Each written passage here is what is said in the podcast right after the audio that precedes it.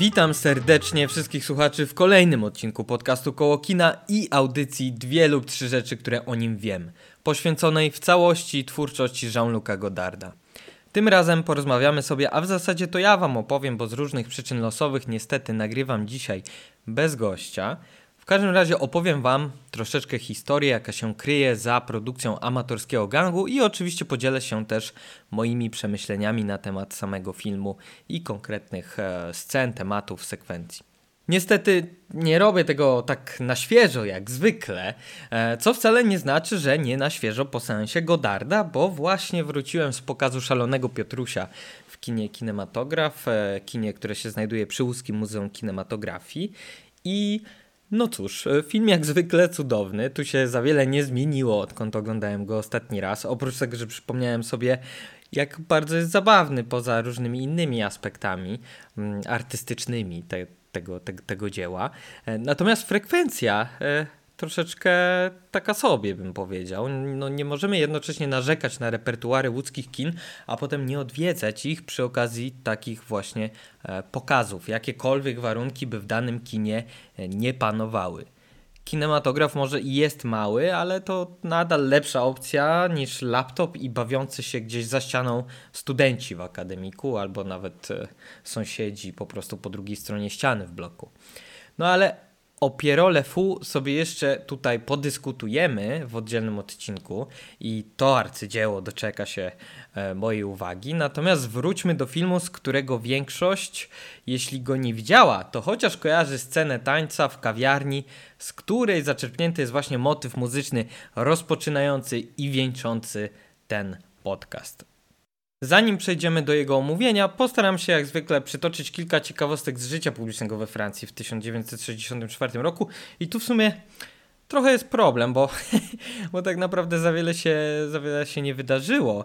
Ja myślę, że te wydarzenia właśnie z 1964 roku, czyli nawiązanie stosunków dyplomatycznych przez Francję z Chińską Republiką Ludową, e, co z kolei spowodowało zerwanie kontaktów przez Tajwan i, i jakby t, t, uczestnictwo obu tych stron w konflikcie, jakim była wojna w Wietnamie, to to wszystko będzie istotne, ale w kontekście właśnie szalonego Piotrusia, a nie amatorskiego gangu. Więc tak naprawdę trudno mi tutaj przytoczyć jakieś, jakieś takie bardzo istotne wydarzenie, czy to, czy to z kręgu politycznego, czy z kulturalnego, z tego 64 roku, które było tutaj ważne dla omówienia tego filmu, dla omówienia amatorskiego gangu. Więc może przejdę bezpośrednio do do tego, co też robimy sobie w każdym odcinku, to znaczy, podzielę się z Wami zestawieniem tych najwyżej cenionych filmów przez Godarda tego okresu, czyli tego roku. Zestawienia, które publikował na łamach Cahiers de Cinema. I jak zwykle też skorzystam z tej okazji, by podzielić się własną topką, już bez poszerzania kontekstów, e, bez argumentowania wyborów jakoś bardzo szeroko mm, i może same tytuły po prostu kogoś zachęcą do wstukania ich w wyszukiwarkę i sprawdzenia co, jak i dlaczego akurat te. Tak więc zestawienie najlepszych 10 filmów Godarda z 1964 roku wygląda następująco. Na miejscu dziesiątym L'amour à la chaîne Claude'a de Givrea nie mam szczerze mówiąc pojęcia, e, e, co to jest za film. Nie znam nikogo, kto by widział ten film. E, jeżeli wejdziecie na film Weba, to zobaczycie taki bardzo mocno erotyczny plakat. Także no nie wiem, co się za tym kryje tak naprawdę. No ale na miejscu dziewiątym La ragazza di Bube, czyli po polsku Jego dziewczyna, taki jest tytuł. Film z Claudią Cardinale w reżyserii Luigi Comenciniego. Na ósmym miejscu Jesień Cheyenne'ów Johna Forda, więc western. Na siódmym romans z nieznajomym Roberta Mulligana z Natalie Wood i Steven McQueenem w rolach głównych. Na miejscu szóstym Odległa trąbka Raula Walsha, więc kolejny w zestawieniu western. Na miejscu piątym Czerwona pustynia Michelangelo Antonioniego. Na miejscu czwartym Ulubiony sport mężczyzn Howarda Hawksa. Na miejscu trzecim Alfred Hitchcock z filmem Marni.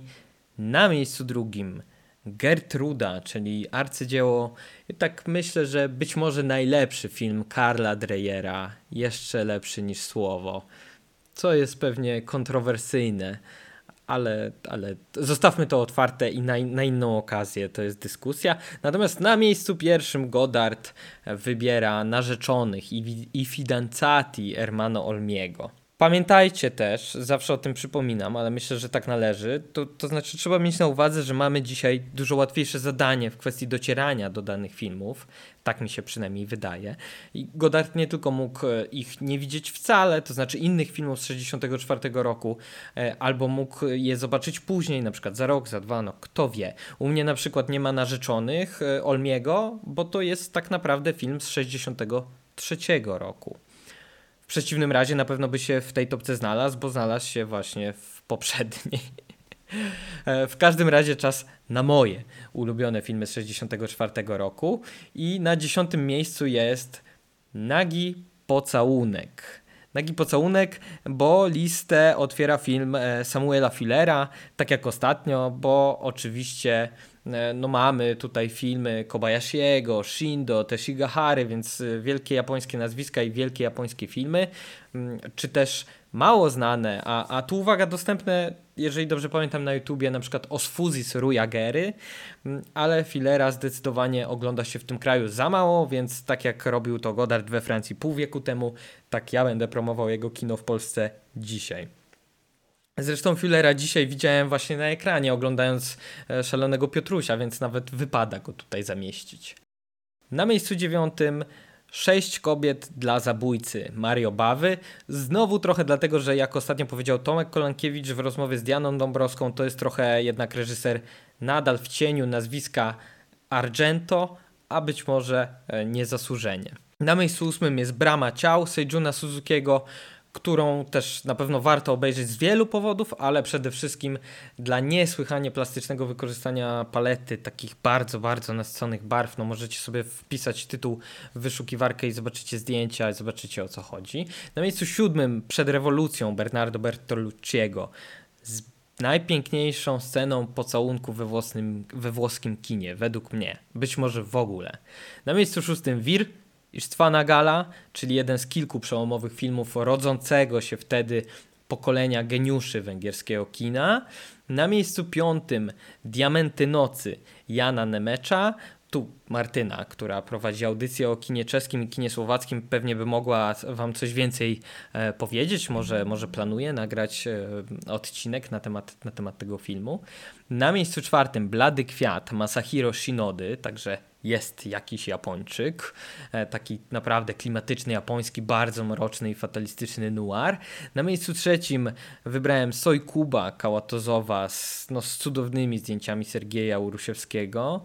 Na miejscu drugim i na miejscu pierwszym mam te same filmy, które ma w swojej topce Godard i na miejscu drugim jest to Gertruda de Reyera, a na miejscu pierwszym, no kto by się spodziewał, że wybiorę Antonioniego, czyli Czerwona Pustynia, e, którą uważam za, za lepszy film na pewno niż Noc, jeżeli chodzi o tetralogię e, tego reżysera. Przejdźmy do meritum.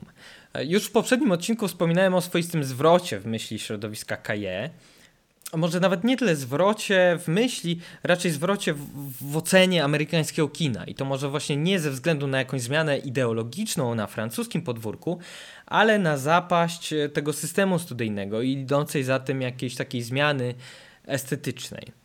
I tuż po tym, jak Romer oddał pozycję redaktora naczelnego czasopisma, co zresztą no, wyszło mu na dobrze, jeśli chodzi o dalszą karierę reżyserską. No, trzeba pamiętać, że był starszy od swoich pupili, a jeszcze nie święcił takich triumfów jak oni. No, chociaż dzisiaj jest pamiętany z najświetniejszych romansów poprzedniego wieku. Do tej pory e, korzysta się z, z, z epitetu, e, że film, opisuje się filmy, że jest e, romerowski, tak? I to, to jest reklamą samo w sobie. I, I jest to też wiele mówiące o tym, jak ten film wygląda.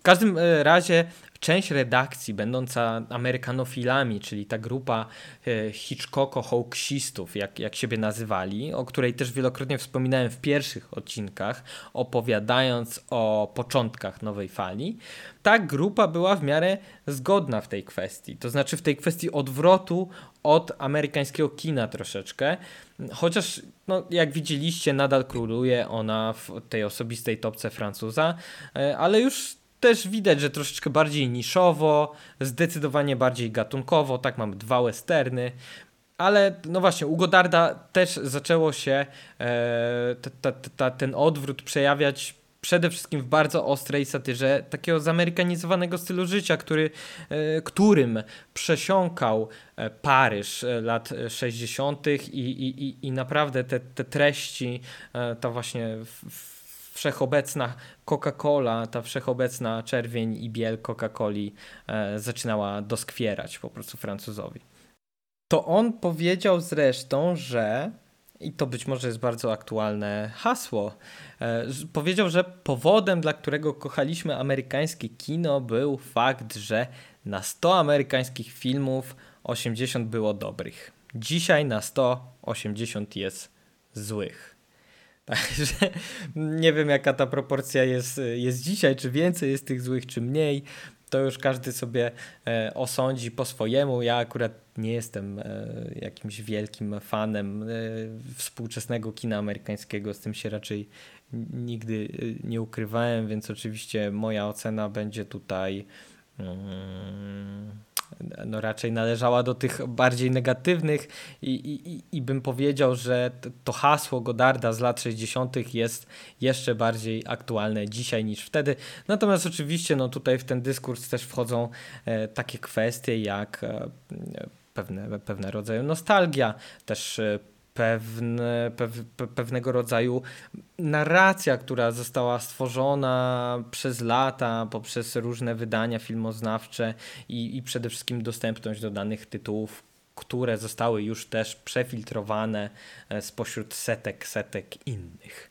Mm, ale nie o tym. Tutaj jeszcze warto, warto wspomnieć, że, że Goddard uzupełnia tę, tę wypowiedź, mówiąc, że kiedy zaczynał karierę, ten amerykański model był wzorem do naśladowania, natomiast dzisiaj, czyli wtedy w latach 60., jest dokładnie tym, czego powinno się unikać. I tutaj Richard Brody, który jest autorem e, biografii e, Godarda, słusznie upatruje, mam wrażenie, w tej konkluzji pewnego znaku bezradności reżysera na tym etapie kariery, na tym konkretnym, w tym konkretnym momencie mm, jego życia. Godarda, który wie, czego nie robić, natomiast chyba nie do końca jest pewny tego, co robić. Czyli, czyli mamy takiego Godarda dekonstrukcjonistę bardziej niż wizjonera i no właśnie to widać e, dzisiaj, to też widziałem e, w Szalonym Piotrusie, także to jest, to jest taki etap, który będzie na pewno trwał przez jakiś czas i przez kilka filmów, co oczywiście nie szkodzi temu, by te jego dekonstrukcje i coraz bardziej kolażowe i sfragmentaryzowane, zbliżające się troszeczkę do formuły eseju filmu, filmowego, mm, no nie stanowiły dzieł jakichś udanych po prostu samych w sobie. E, za to są zresztą do dziś chwalone. Jeśli mam być szczery, to z nimi kojarzy mi się bardziej Godard niż z filmami pokroju Pogardy. Jak to bywa w tym przemyśle, Największym problemem są zawsze pieniądze i chociaż Goddard otwarcie krytykował to amerykańskie kino, to ostatecznie musiał iść na jakiś kompromis. Z jednej strony nawiązując w filmie po raz kolejny do estetyki gatunku e, kina gangsterskiego, o czym więcej za chwilę, a z drugiej idąc też na współpracę z amerykańskim studiem. I należy zaznaczyć też, że w tym samym czasie wystartował z własną firmą produkcyjną e, o nazwie Anuszka od zdrobnienia, którym posługiwał się w prywatnych e, rozmowach z Kariną. Z Kariną, z którą Godard też tutaj, to jest taki moment, że oni nie pracowali razem ze sobą na planie już niemal dwa lata, bo od momentu zdjęć do żyć własnym życiem. Ona w tym czasie oczywiście występowała w jakichś innych filmach, ale nie zyskała też nigdy żadnej takiej wielkiej sławy, sławy, którą na pewno y, wymarzył sobie dla niej Godard. Natomiast dla niej to, to oprócz udziału w tych różnych e, przedsięwzięciach filmowych, e, różnych produkcjach, to był też dla niej znowu okres taki burzliwy pod kątem psychicznym, pod kątem emocjonalnym i ona sama wspominała po latach, że, no, że raczej była w takim kiepskim położeniu, co się objawiło ostatecznie próbą samobójczą. Mm, I to też się prze, przejawia w jej fizycznym wyglądzie, tak? To widać, widać na taśmie. Karina jest tutaj chudziutka I, i z tym się wiąże taka anegdota, że ponoć nowojorska publiczność, która w 1964 roku oglądała po raz pierwszy zarówno Kobieta jest kobietą, jak i amatorski gang, nie poznała, że główną rolę kobiecą gra ta sama e, no właśnie, kobieta. I e, e, mówię ponoć, bo trudno mi troszeczkę uwierzyć w tę anegdotę, ale ona istnieje, gdzieś tam jest rozpowszechniona, jest troszeczkę dziwaczna, więc postanowiłem się nią podzielić. No, ja oglądając przed chwilą właśnie Szalonego Piotrusia, gdzie też Karina gra, no trudno mi, oczywiście dzisiaj ona jest symbolem nowej fali, wtedy być może w Nowym Jorku nie była aż tak znana, ale mimo tego, że właśnie tutaj w Szalonym Piotrusiu już wygląda zdecydowanie tak e, zdrowiej po prostu, to, to trudno mi sobie wyobrazić, żeby pomylić te, te znaczy nie, nie dwie aktorki, tylko tę samą aktorkę w, w dwóch różnych e, rolach. W pewnym sensie Goddard też odwołuje się w taki sposób czysto filmowy do tej, do tej osobistej tragedii tak naprawdę, e, do tragedii e, swojej ukochanej, ale, ale też nie tylko jej, bo w scenie lekcji języka angielskiego, w której też pojawiają się takie typowe dla Godarda rozwiązania yy, profilmowego wciskania tekstu pisanego, tak? Mm, tutaj akurat za pomocą listów miłosnych przesyłanych na kartkach po szkolnej sali, troszeczkę jak właśnie w szkole podstawowej, pewnie, pewnie każdy z Was pamięta jakieś walentynki, te, tego, te, tego typu akcje. No w tej scenie uczniowie tłumaczą na angielski tekst Romeo i Julii Szekspira i kiedy nauczycielka cytuje fragment y, dotykający tematu przedwczesnej śmierci, Godard w tym samym momencie kieruje kamerę na Karinę i na Freya, czyli dwóch aktorów, którzy właśnie mieli za sobą samobójcze próby. No jest to raczej mało subtelne, ale też, też tutaj dla naszych takich filmoznawczych potrzeb myślę, że warte, warte odnotowania. Karina też przyznała w, w, w, wywiadach, że ten film, mm, z racji tego, że ona była w takim trudnym położeniu, to po prostu ten film e, uratował jej życie. To, to, to nie jest jakaś tam, e, to jest, to jest cytat, tak? E, ona, ona tak się o, o tym przedsięwzięciu wypowiadała, że ten film dał jej coś, na czym mogła się skupić, przy czym mogła się e, pobawić. I w kontekście nazwy studia jeszcze też warto myślę wspomnieć, że jedną z propozycji tytułu filmu było Arthur Sammy and Anushka, czyli, czyli właśnie to, to zdrobnienie od Kariny, ale studio odrzuciło tę ofertę chyba słusznie. No właśnie, studio. Wróćmy, wróćmy do tych Amerykanów. E, z tym kontaktem za oceanem wiąże się też ciekawa anegdota. Otóż Goddard napisał do trzech studiów. E, do Columbia, do Paramount i do United Artists z pytaniem, czy nie daliby mu 100 tysięcy dolarów na zrobienie filmu. Amerykanie nie zrozumieli chyba do końca Godarda i nie zrozumieli, że podana kwota była kwotą budżetu i odpowiedzieli mu, że no, to jest strasznie wielka suma jak na garzę reżyserską. Co samo w sobie też wydaje mi się można dzisiaj szczególnie interpretować dwojako, no bo dzisiaj jak się słyszy o tym, to intencje Godarda wydają się oczywiste. Natomiast trzeba pamiętać, że Francuz dopiero co skończył projekt z Brigitte Bardot, za który otrzymał garze 50 tysięcy dolarów.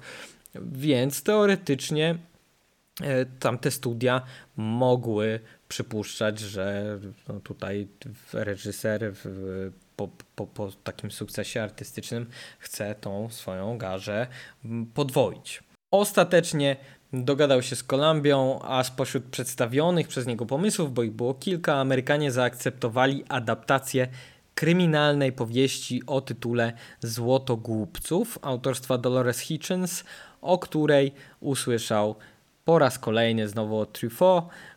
On mu powiedział, że to jest właśnie świetny materiał pod potencjalny scenariusz dla jego filmu. No historia tutaj się e, powtarza właśnie kolejny raz, jeśli chodzi o podsuwanie dobrych pomysłów przez kolegę z redakcji. Natomiast Godard, zgodnie z tym, co, co powiedziałem o pewnym takim impasie artystycznym, czy też pozycji w, no, w takim rozkroku e, przed podjęciem decyzji, postanowił on sam to tak opisywał, że postanowił zerwać ze stylem, który no, według niego był równocześnie łączo, łączył inklinację do kina instynktownego, jak i do refleksyjnego. I tutaj przypomina nam się, albo powinna się przypomnieć, mm, ta, ta owa refleksja Truffaut dzielącego francuskie kino na, na dwie odnogi i odpowiedź Godarda w postaci Vive vie. Mm, o tym więcej możecie usłyszeć w, w odcinku właśnie poświęconym Żyć Własnym Życiem e, i, i rozmawiam o tym z, z, z Martyną. Tym razem role się odwracają. Godard umieszcza właśnie swojego kolegę po stronie tej nierefleksyjnej stronie kina. Natomiast czyni to oczywiście nie w charakterze jakiejś negatywnej krytyki, a zwyczajnie na potrzeby mm, te, tej nowej taksonomii, um, która też wyznacza jakby jego dalszą drogę. Um, I tutaj przywołuje jako e, przykłady takiego kina nie tylko debiut Truffaut, czy późniejsze Strzelajcie do pianisty przede wszystkim, ale również kryminalne dramaty poetyckiego realizmu z drugiej połowy lat 30. we Francji, ze szczególnym wskazaniem na dzieła e, Marcela Carnet. I rzeczywiście Paryż w amatorskim gangu ma w sobie wiele z portretów Francji w takich dziełach jak ludzie za mgłą czy Brzask chociażby, gdzie no właśnie w takiej jakiejś na przykład zamglonej dzielnicy, gdzie widać głównie przedstawicieli klasy robotniczej i słychać jakieś bezdomne zwierzęta. Tutaj to były te e, w amatorskim gangu, to są te ryczące w zoo gdzieś tam e, zofu ciągle, które potem mam wrażenie, że za, zaczerpnął do swojego arcydzieła inwa do inwazji Hugo Santiago, argentyński reżyser i w takiej właśnie atmosferze mrocznej, takiej atmosferze niepewności pewności rozgrywają się tutaj te osobiste dramaty, naznaczone takim przenikliwym fatum. I zdjęcia Kutarda i wybór e, lokacji mają też tutaj ogromne znaczenie. Mamy tutaj jakieś podziemia metro, brzegi rzeki na drodze do, do Joinville, e, mamy też e, Place Clichy nocą z neonami, z błyszczącymi szyldami, kin chociażby. Mm, no a przede wszystkim czuć taką, szczególnie w portretowaniu tej dzielnicy, która jest bardziej taka robotnicza, czuć ten brud. On jest taki niemal namacalny. To nie jest, to nie jest pocztówkowy Paryż. W pewnym momencie zresztą pojawia się taka, taka panorama e, Paryża, ale ona też nie jest jakoś przesadnie tak e, przeestetyzowana, upiększona.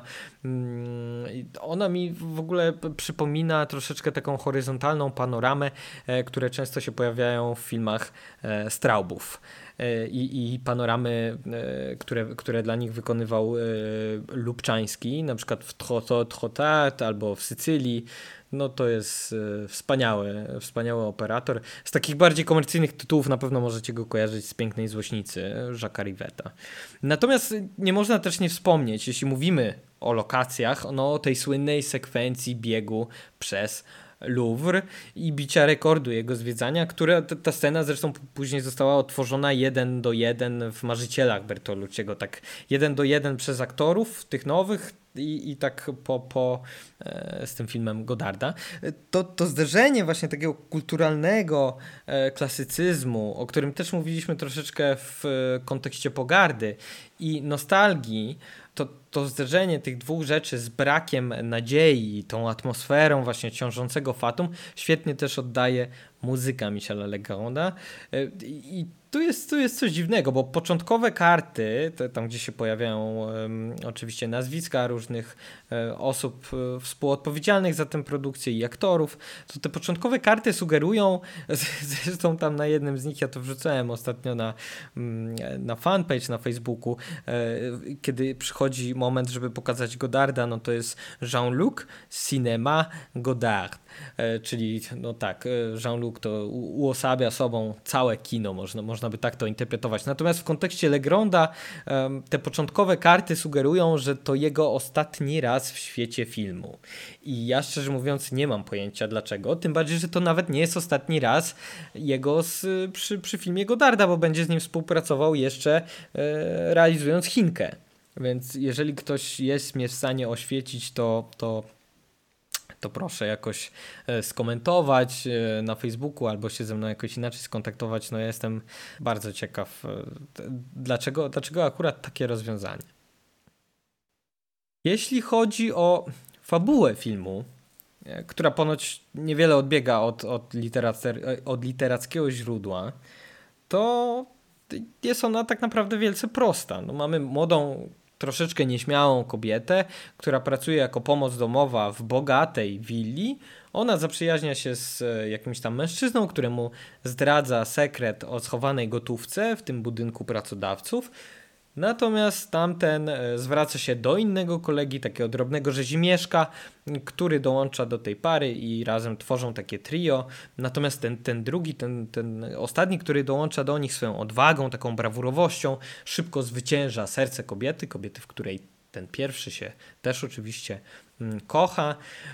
No i to wszystko nadaje rytm temu planowi włamania i, i, i kradzieży pieniędzy. I ostatecznie w wyniku takich rodzinno-gangsterskich szachów i porachunków, ten bardziej cwany z nich, ten właśnie, który zwycięża serce Kariny, um, umiera. Kobieta zostaje z tym pierwszym mężczyzną jednak i odjeżdżają w siną dal. No w przypadku Amery am nie amerykańskiego, amatorskiego gangu e, realizują marzenie Kariny i Subora z żołnierzyka, z Le Petit Soldat, e, czyli wsiadają na prom i płyną do Brazylii.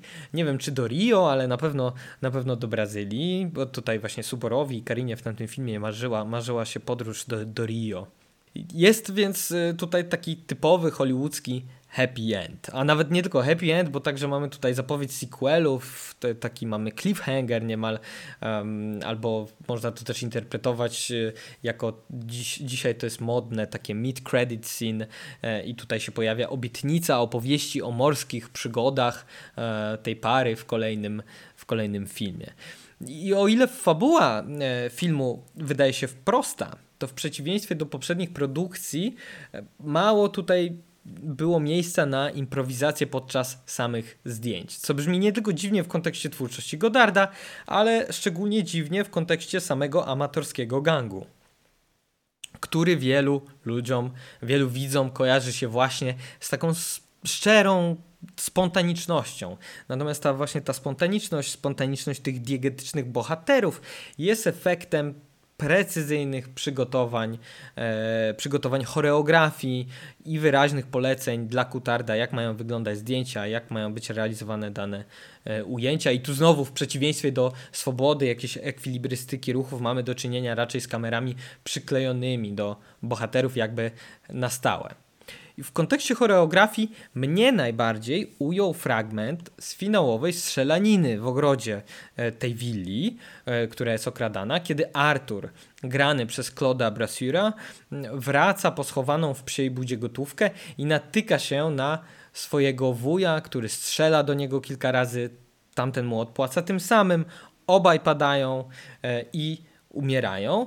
Natomiast Karina, czyli tutaj filmowa Odile Monod, dokładnie tak jak na imię i na nazwisko panieńskie um, miała matka Godarda, to, ta matka, na której e, pogrzeb nie został wpuszczony, o czym opowiadałem w pierwszym odcinku.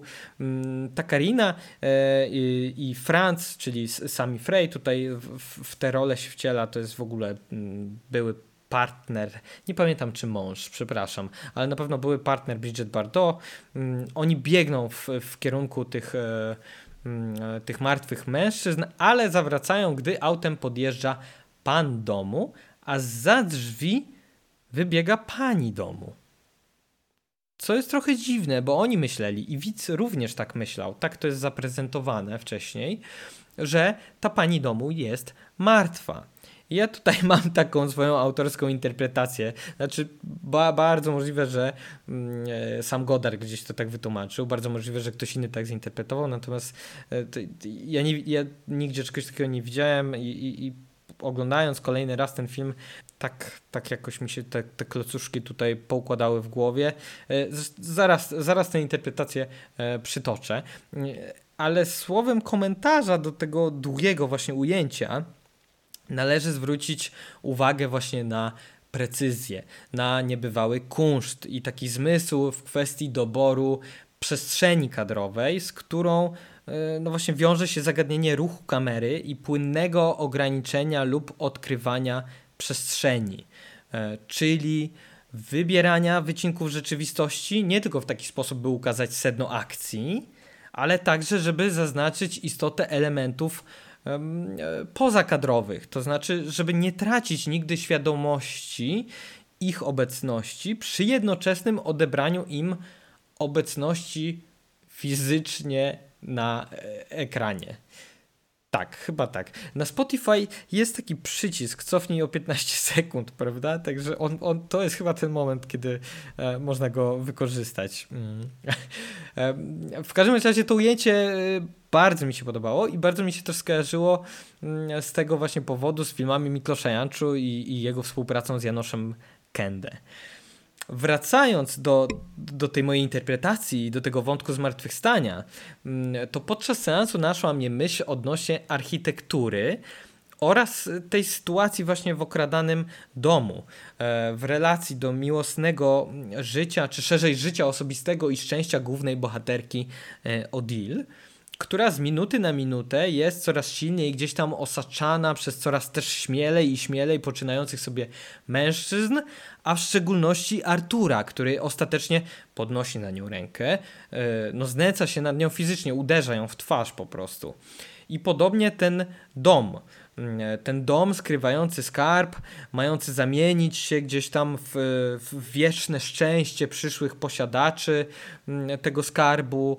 E, troszeczkę tak jak radosną perspektywę roztacza przed sobą zakochany, który wędruje w kierunku balkonu ukochanej, by zaśpiewać e, jej serenadę. Chce skraść jej serce, tak tutaj oni chcą e, skraść ten skarb z tej willi. Natomiast a propos serenady, to tak jak w Ambersona, Horsona Wellsa, zakochany robi z siebie błazna, taki tutaj ten skarb e, taki tutaj ci złodzieje troszeczkę robią z siebie błaznów i ten skarb zaczyna się oddalać w miarę jak Odil oddala się od szczęścia. To jest coś, co zacząłem właśnie zauważać w trakcie tego ostatniego seansu. I od szczęścia, które jest tutaj symbolizowane przez postać Franca. Dlaczego? No dlatego, że e, Franc jest tą osobą, która uosabia w amatorskim gangu samego Godarda. E, I tutaj trzeba zaznaczyć e, tak krok po kroczku. Zaczynamy od niczym niestrzeżonej gotówki. Potem okazuje się, że pokój jest zamknięty. Potem okazuje się, że okno jest jeszcze zamknięte do tego pokoju. Później okazuje się, że pani domu jest w ogóle e, na miejscu, jest w łazience i trzeba ją steroryzować. Później się okazuje, że trzeba ją zamknąć w szafie. Okazuje się, że w tej szafie się udusiła. Na koniec skarbiec okazuje się pusty, więc ta akcja napadu kończy się no, totalną klapą, wielkim niepowodzeniem. Natomiast kiedy ma, ta miejsce, kiedy ma miejsce ta finałowa konfrontacja, którą przybliżyłem wcześniej, w której Artur umiera w tej strzelaninie, a pani domu nagle zmartwychwstaje, pieniądze nagle się odnajdują, e, a Odile odjeżdża z Francem w siną dal, to jakby wszystko wraca do normy. E, to szczęście e, i właśnie potencjalna miłość mają znowu miejsce, by zakwitnąć. Także mam wrażenie, że tutaj jest taka relacja, która łączy atmosferę e, czy, czy stan duchowy, to nazwij, tak, tak bym to nazwał, stan duchowy tego miejsca, e, tej willi, w której jest skryty skarb, e, ze stanem duchowym samej bohaterki Kariny. Nie mam pojęcia, czy taka była intencja Godarda, ale chcę wierzyć, że tak. E, tym bardziej, że mm, no właśnie, miejscem spotkania na przykład po napadzie miała być kawiarnia Tout va bien, czyli wszystko dobrze po polsku. No kolejny też taki sposób na oddanie nastroju za pomocą jakiegoś budynku. Tym razem sposób taki bardziej eksplicytny.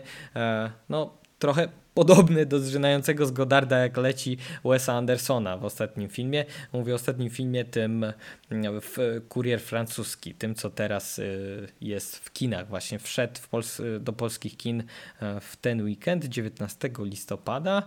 Mm, tu Bien to też oczywiście tytuł e, filmu Godarda z Gorenem z początku lat 70., e, w którym grają Yves Montand i, i, i Jane Fonda. Fascynującą też sekwencją, która według mnie powinna zapada zapadać w pamięć jeszcze bardziej niż pocztówkowe właśnie zwiedzanie jakiegoś Louvru albo ten słynny Madison Dance w kawiarni, to jest ta sekwencja przedstawiająca podróż metrem i kończąca się kolażem ujęć takich ujęć rodem z symfonii miejskiej, czy to Rutmana, czy Wiertowa, a w przypadku Francji, e, może najbardziej e, Ivensa. Nie, mam nadzieję, że dobrze wypowiadam to nazwisko. Wiem, że on jest Holendrem, natomiast później pracował we Francji, umarł we Francji chyba. Mm, w każdym razie Jorisa Ivensa, niech będzie, że, że tak, e, który pośród wielu pięknych filmów ma na swoim koncie mm, właśnie krótki metraż nagrodzony w Cannes o jakże wymownym tytule Sekwana spotyka Paryż. Film, który wzruszył nawet mnie, to chyba coś znaczy, przynajmniej powinno. Wracając do sekwencji w metrze, to to jest ta sekwencja, w której Odil z takimi błyszczącymi, wielkimi oczyma po raz kolejny, to znaczy w kolejnym filmie Godarda, przypominającymi takie nieskalane oblicze tej drejerowskiej Joanny, mm, ta Odil e, częściowo recytuje, częściowo śpiewa piosenkę której słowa są autorstwa też e, Luisa Aragona, którego nie pierwszy raz Godard tutaj wplata do swoich filmów i który też mu się e, w pewnym sensie odpłaci pozytywną, pozytywną prasą.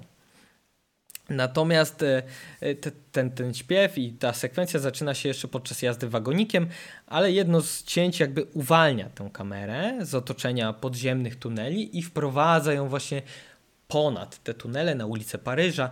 Te ulice są pełne ludzi, przeważnie właśnie smutnych, przeważnie jakby samotnych, i ostatecznie ta sekwencja kończy się, przenosi do sypialni zakochanych, i tam całość się kończy I, ja miałem takie wrażenie, że to jest takie zestawienie tego osamotnienia mm, ludzkiego, jakiegoś po prostu uniwersalnego w wielkiej metropolii, z tym osamotnieniem w miłosnym i to miłosnym w takim cudzysłowie objęciu kochanka zeszłej nocy. Czyli nie takiego kochanka e, na zawsze, ale właśnie te, tego, z którym się spędziło e, ostatnią noc i, budzi się przy nim, e, czując mimo wszystko pewnego rodzaju właśnie osamotnienie, pewną pustkę.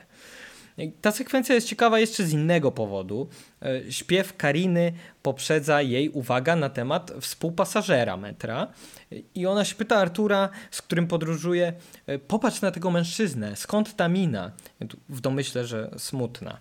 E, na co Artur jej odpowiada, że jego wygląd będzie się różnił w zależności od historii, jaką mu dopiszesz. Jeśli wiezie w paczce misia dla swojej chorej córki, wyda ci się normalny. Jeśli jednak wiezie bombę i chce wysadzić kraj, no to będzie wyglądał wrednie. I to oczywiście jest nawiązanie do, do radzieckiej teorii Kuleszowa, a pasażer, który zresztą, gdyby szukać e, jakiegoś podobieństwa w, we współczesnych aktorach, to mi się kojarzy z Barem Kiganem, tak się chyba wypowiada to nazwisko. On grał w, chyba ostatnio w jakimś filmie Lantimosa, jeżeli dobrze kojarzę. Mm, no w każdym razie on tutaj jest takim francuskim odpowiednikiem Mozżuchina. E, natomiast teraz też mi się skojarzyło, jak często ten motyw bomby pojawia się w filmach Godarda i często on jest związany z jakimś cudem z, ze środkami transportu. No, tak mamy tu, tak mamy um, przecież w Chince, e, kiedy, kiedy jest mowa o wysadzaniu uniwersytetów. Wydaje mi się, że bardzo podobnie jest to rozwiązane w naszej muzyce, a więc to już jest przełom lat 90. i 2000. Także to faktycznie jest taki jakiś motyw, który się um, przewija i warto być może go prześledzić bliżej. Skoro już wspomniałem o tym Madisonie, to może warto o nim powiedzieć coś więcej. Sprawę świetnie ujął według mnie Jonathan Rosenbaum, nazywając ten taniec tego trio paradoksalnie synchronicznym solipsyzmem. I coś w tym jest. To znaczy, mam wrażenie, że dawno temu oglądałem na YouTubie jakąś taką analizę tej sceny, w której faktycznie autor zwraca uwagę na taki zupełnie autonomiczny sposób poruszania, na taką mikrogestykulację aktorów, na, tak, na, na, na właśnie takie mikrogesty, które mają jednak funkcję narracyjną. To znaczy odróżniają postawy bohaterów w takim samym stopniu, jak robią to dialogi, czy na przykład podejmowane wybory w sytuacji konfliktu, więc są takimi klocuszkami, które widzowi mm, budują jakiś obraz tej, tej e, filmowej persony. I nic dziwnego więc, że każdy z nich, to znaczy z tej trójki bohaterów, także kończy ten taniec w zupełnie innym momencie. E, więc ja bym nawet to tak interpretował, że oni odcinają się w pewien sposób od siebie przez te mikrogesty i przez te e, różnice interwałów. Że to jest być może ten moment rozszczelnienia ich marzenia, e, które, moment, który prowadzi do tragedii. E, do tragedii, która oczywiście musi się wydarzyć, żeby po niej nastąpił happy end. I, I być może właśnie ten taniec to jest ta chwila, kiedy to fatum łapie ich z fesidła, że przydwierca do ich barków jakieś e, i bioder i, i w ogóle e, do wszystkich kończyn linki, by poruszać nimi jak e, marionetkami. No nie wiem, może to jest y, taki mój domysł, taka interpretacja tej sceny. W każdym razie ten motyw odcięcia się od siebie nawzajem funkcjonuje nie tylko na poziomie samego tańca, ale także i muzyki, która trochę jak w Kobieta jest kobietą. E, raz się pojawia, innym razem znika. Też mam wrażenie tym samym tematyzując tą iluzję radości. Mm, ta scena, która wyjęta z kontekstu, wydaje się być właśnie taką wesołą. E, ta muzyka wydaje się taka skoczna, to znaczy ona jest skoczna, nie wydaje się. E, że to właśnie jest na tyle skoczna i radosna, że posłużyła mi za wstęp do każdego odcinka. To ta scena może tym samym okazać się wcale nie tak wesołą, i, natomiast niesamowicie smutną, w pełni oddającą e, może tak górnolotnie e, problem teatru życia codziennego, parafrazując Goffmana, e, to znaczy, że mamy wszędzie te maski i pozy, a muzyka gra tylko w naszych głowach, jeśli tego chcemy, ale nigdy nie gra dla każdego w równym tempie. Może też nie grać wcale, jak w chwili, kiedy e, bohaterowie proszą o minuty ciszy. No, też to jest niewątpliwie cudowny moment, jeśli mm, ogląda się ten film w kinie przy, przy pełnej sali. Wtedy słychać każdy oddech, każdy szelest. Nagle nie wiadomo dlaczego jest zupełna, zupełna e, cisza, szczególnie, szczególnie dzisiaj w sytuacji wyświetlania filmów e, z cyfrowych kopii, kiedy faktycznie na tej sali jest cisza i, i żaden projektor tutaj nie hałasuje. To, to w ogóle ten, ten motyw e, muzyki, teraz tak o tym pomyślałem, przez to, że, że dopiero co oglądałem Szalonego Piotrusia, że on się będzie pojawiał mm, jeszcze, no właśnie, w tym filmie. To znaczy tej muzyki, która gra w naszych głowach e, i która nie dla każdego gra w równym tempie i ten taki problem e, natury epistemologicznej, że nie jesteśmy w stanie tak naprawdę do końca poznać tego, co się czai za tymi maskami, które, które przybierają nasi e, współpracownicy, nasi partnerzy, nasi kochankowie. Także to jest znowu no, typowy dla Godarda tak naprawdę problem komunikacji. To, co jeszcze trzeba powiedzieć, natomiast powtarzanie, że, że film jest po części może nie tyle autobiograficzny, co oddający burzliwe życie emocjonalne Godarda i stanowiący pewnego rodzaju terapeutyczną platformę, e, czy list miłosny, jak w przypadku Pogardy, to wydaje mi się, że to powtarzanie wydaje się już trochę nudne w przypadku jego film. I, I, znowu w Szalonym Piotrusiu będzie to kolejny raz, być może z największym natężeniem z racji tego, że to jest pewnego rodzaju e, taki list pożegnalny i pogodzenie się z odejściem Kariny. Mm, ale o tym jeszcze sobie porozmawiam. Natomiast tutaj też wydaje mi się, że z kronikarskiego obowiązku należy chyba i to zaznaczyć mm, w kontekście amatorskiego gangu. I wspomniałem już o powiązaniu bohaterki i Kariny z nazwiskiem matki reżysera, co samo w sobie jest bardzo takim osobistym, może trochę sentymentalnym, a na pewno symbolicznym gestem, jakby oddającym e, ukochanej miejsce w sercu, które wcześniej należało do tak bliskiej osoby, jaką jest e, w, w, życiu, w życiu człowieka matka. Hmm, zazwyczaj. E, wspomnieć też należy o obecności Godarda w samym e, filmie. To znaczy on tu występuje jako narrator, który komentuje zachowania, komentuje myśli bohaterów. Czasami też zwraca się bezpośrednio do widza, mm, tłumaczy na przykład bieg wydarzeń, szczególnie wtedy, kiedy mm, absencje i jakieś takie potencjalne niedopowiedzenia są spowodowane przez formalne elipsy, których tutaj jest e, całkiem, całkiem sporo. Ten voiceover Godarda pojawia się jeszcze gdzieś indziej, to znaczy tak to nazwijmy, że to jest voiceover tutaj, to troszeczkę taka metafora. Mm, być może pamiętacie, jak opowiadałem o nagranej ścieżce takiej komentarzowej, e, takie jak dzisiaj są na przykład do wydania Blu-ray jakichś, jakichś filmów, na przykład Criteriona albo BFI, oni zawsze dodają ścieżkę commentary e, i, i coś takiego zrealizował na płycie winylowej Goddard do, do filmu Kobieta jest kobietą. To oczywiście nigdy nie zostało wydane. Opowiadałem o tym w tamtym odcinku, więc jak jesteście zainteresowani, to, to, to odsyłam. I tym razem Goddard zrobił coś podobnego, ale już e, też po zakończeniu pracy nad filmem, natomiast nie w formie audialnej, tylko w formie literackiej i opublikował taki mm, troszeczkę refleksyjny tekst y, o tytule Moi bohaterowie, w którym retrospektywnie spoglądał na, na, na, ten, na, ten, na to swoje dzieło ukończone i wyjaśniał e, widzom, czytelnikom relacje, e, jakie panowały między bohatera, bohaterami. Rozszerzył troszeczkę te wątki, odnosząc się na przykład też do różnych aktorek o podobnym imieniu, do bohaterek lub na przykład nie tylko aktorek, ale też bohaterek literackich, chociażby u Goethego. No, w dużym uproszczeniu streścił te charaktery, występujące w filmie i streścił je następująco.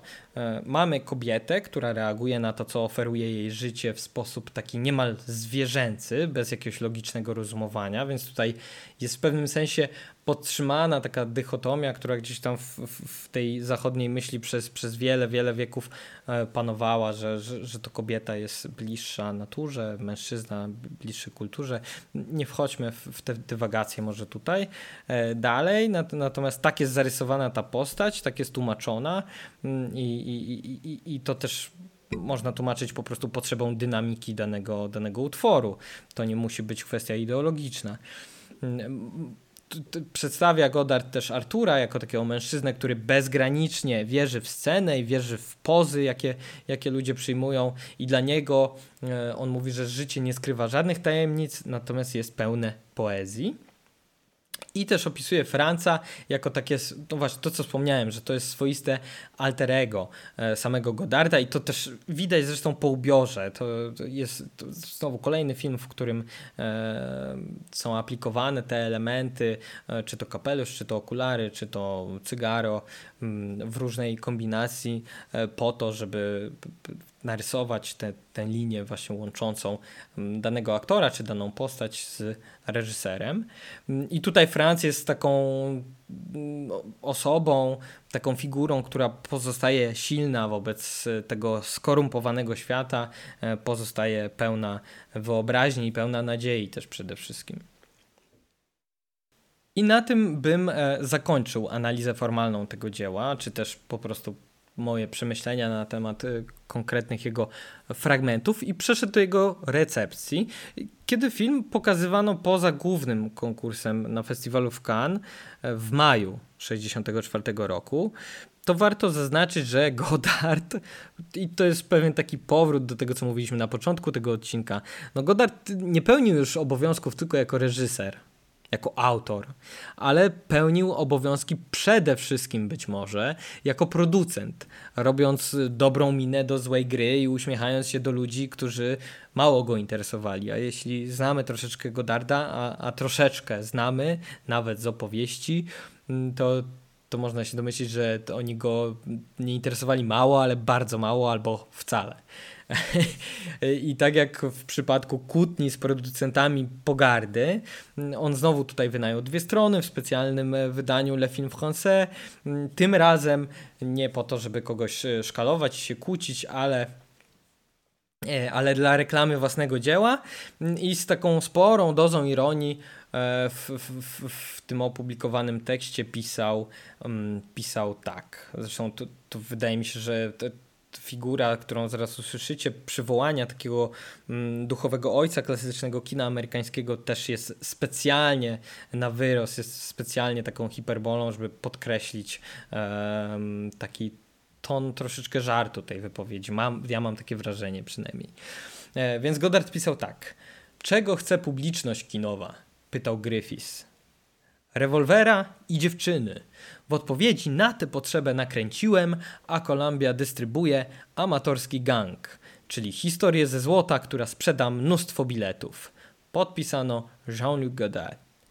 I ten, ten, ten, właśnie sarkazm trochę, mimo wszystko, mm, przynajmniej w oczach krytyki wtedy, spadek formy reżysera został dostrzeżony um, też przez jednego z tak naprawdę z jego największych fanów, e, e, jednego ze stałych krytyków Kaje, Luka Muleta, który porównywał ten film z jedyną w jego oczach porażką Godarda, czyli krótkometrażową Kokietką, którą ja akurat lubię. Amatorski gang też lubię. E, jeżeli chodzi o kokietkę, to dawałem temu wyraz w pierwszych odcinkach audycji, więc, więc też możecie e, do tego wrócić i, i, i zasięgnąć mojej relacji. Generalnie z muletem raz się zgadzam, raz nie, e, ale nie mogę mu odmówić nosa i pewnego takiego zmysłu interpretacyjnego, mm, szczególnie jeżeli chodzi o filmy tej interpretacji jakoś tam domagające się, filmy trudne to nazwijmy, mm, żeby nie użyć określenia hardkorowo-intelektualne. To znaczy filmy, które bazują na jakichś takich labiryntowych konstrukcjach e, narracyjnych mm, autoreferencyjnych i tak dalej, i tak dalej. E, więc on miał taki zmysł szczególnie do oceny e, ważnego dla mnie twórcy, czyli Raula Ruiza, o którym e, właśnie często pisywał. Ostatecz, ostatnio właśnie e, czytałem jego świetny tekst o Breeze Glass, czyli takim e, trochę eksperymentalnym, trochę dokumentalnym, wspólnym projekcie właśnie Ruiza, Żana Rusza i jeszcze szwedzkiego jakiegoś dokumentalisty, którego niestety nazwiska w tej chwili nie pamiętam.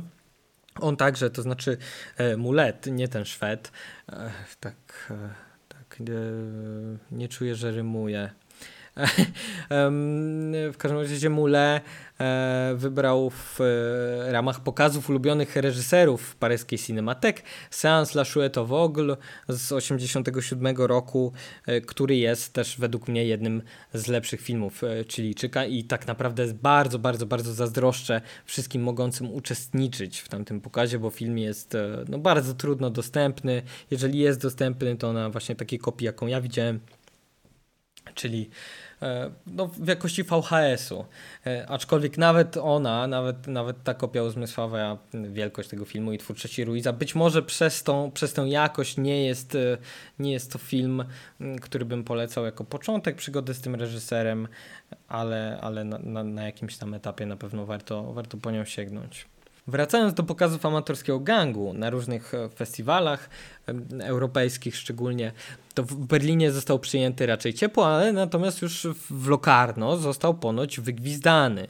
Mm, więc ta, ta podróż była taką troszeczkę sinusoidą.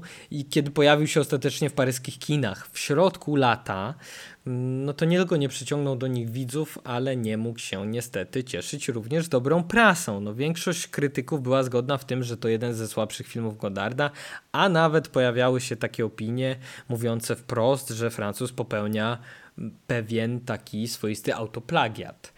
Mm, I jakby na deser tej nieudanej recepcji cały ten filmowy projekt, który miał być pojednaniem z Kariną, spełzł trochę na niczym, bo para się wkrótce rozwiodła, co tym bardziej spowodowało u Godarda taką, no można powiedzieć, retrospektywną niechęć do, do amatorskiego gangu i trudno się e, dziwić.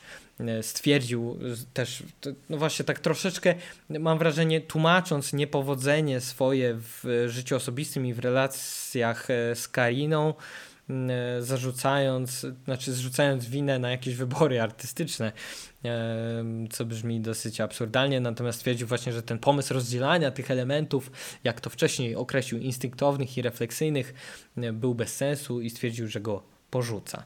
Natomiast amatorski gang mam wrażenie, że wywarł spore wrażenie na, twórc, na twórcach. Też to, to jest istotne, że chyba bardziej na twórcach niż na krytykach e, z oceanu, czyli z tej właśnie krytykowanej Ameryki.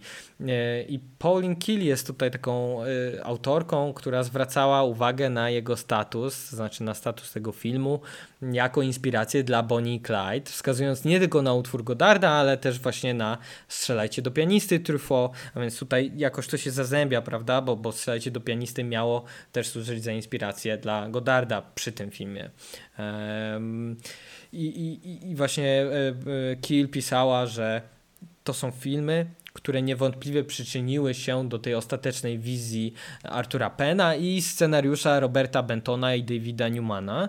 E, jak się okazuje, przynajmniej ja natrafiłem na taką, e, na, na taką informację, że ci pisarze podobno oferowali mm, adaptację tego tekstu obu francuskim reżyserom, to znaczy Truffaut i, i, i Godardowi.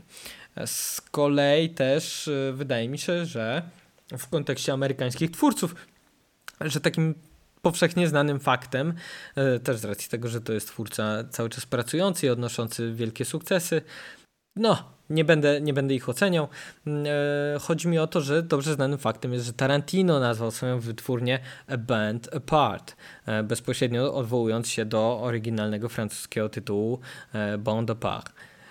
I, I może niech to będzie taka mało, przynajmniej dla mnie, e, atrakcyjna artystycznie klamra, e, ale jakaś jest, bo to się wiąże z tym, że przyszedł do mnie niedawno nowy numer Kajedy Cinema, w którym nie tylko jest tekst poświęcony jednemu z najciekawszych filmów ostatnich lat, czyli Dziewczynie i Pająkowi, braci Cursierów, ale także jest um, cały dział z tekstami o Belmondo, który odszedł niestety w tym roku i to właśnie w ramach pamięci o nim pokazywany był ten Piotruś w łódzkim kinie.